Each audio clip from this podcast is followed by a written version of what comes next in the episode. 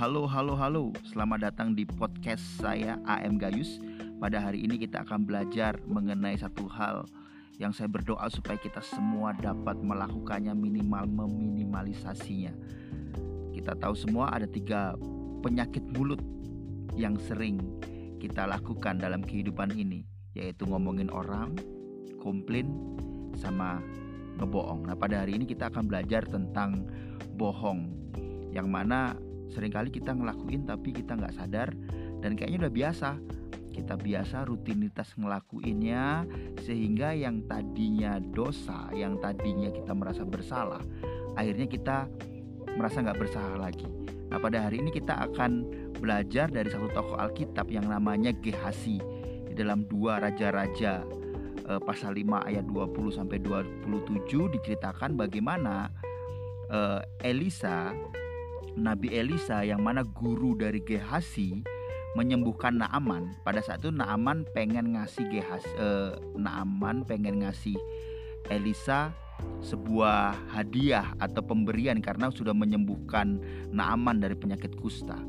Tetapi Gehasi yang melihat itu malah mengejar Naaman dan istilahnya meminta eh, upah atau pemberian itu dengan berkata sebenarnya uh, Elisa mau cuman dia malu seperti itu. Nah, pada saat pulanglah, pada saat pulang Elisa mengetahui Gehasi melakukan itu dan pada saat ditanya Gehasi berbohong.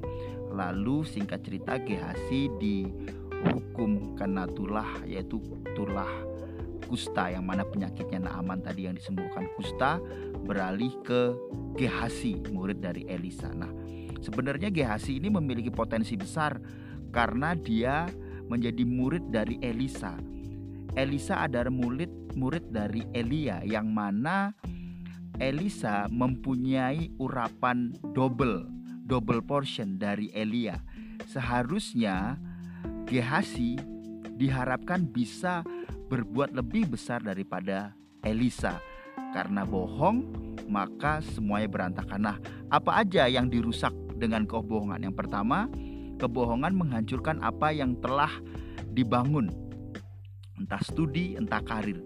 Kalau kita baca di pasal-pasal sebelumnya, pasal 3, pasal 2 seperti itu, bagaimana Gehasi melakukan hal-hal besar bersama Elisa. Banyak mukjizat yang dilihat Gehasi, tetapi karena bohong jadinya semuanya hancur. Ketidakjujuran bohong membuat hancur semuanya. Gehasi direncanakan menjadi generasi nabi besar selanjutnya, tetapi karena bohong, maka hal itu menghancurkan apa yang telah dibangun. Begitu juga dengan kita, kalau kita sudah membangun segala sesuatu tapi kita tidak jujur dalam hidup, kita bohong dalam hidup sekali ketahuan, maka apa yang kamu bangun akan hancur begitu saja. Kalau kalian pinter di sekolah, di kelas, begitu nyontek, ketahuan nyontek, maka semuanya akan hancur. Yang pertama, bohong menghancurkan apa yang telah kita bangun. Yang kedua, kebohongan menghancurkan hubungan. Elisa itu sangat mengasihi Gehasi, membimbing baik-baik, tetapi gara-gara ketidakjujuran, gara-gara bohong, hubungan itu rusak. Saat kita tidak jujur, maka ada hubungan, ada relationship yang retak. Oleh sebab itu, mari kita jaga hubungan dengan berkata jujur kepada teman, kepada pasangan, kepada suami, pada istri, kepada orang tua, kepada saudara-saudara seiman dan lain-lain. Karena apa? Pada saat kita jujur, pada saat kita apa adanya, pada saat kita terbuka, maka hubungan itu lebih erat, maka eh, relationship komunikasi menjadi lebih baik. Yang pertama, dengan bohong maka menghancurkan apa yang kita bangun. Yang kedua, dengan bohong maka hal itu merusak hubungan yang telah dibangun. Yang pertama merusak apa yang kita bangun, yang kedua merusak hubungan.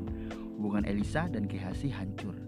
Oleh sebab itu, jujurlah dan apa adanya. Yang ketiga, kalau biasanya kita bohong sekali, maka hal itu diikuti oleh kebohongan-kebohongan lain. Jadi yang pertama, pada saat kita bohong itu menghancurkan apa yang kita bangun. Yang kedua, pada saat kita bohong menghancurkan hubungan-hubungan juga. Yang ketiga, pada saat kita bohong, maka akan diikuti dengan kebohongan-kebohongan yang lain.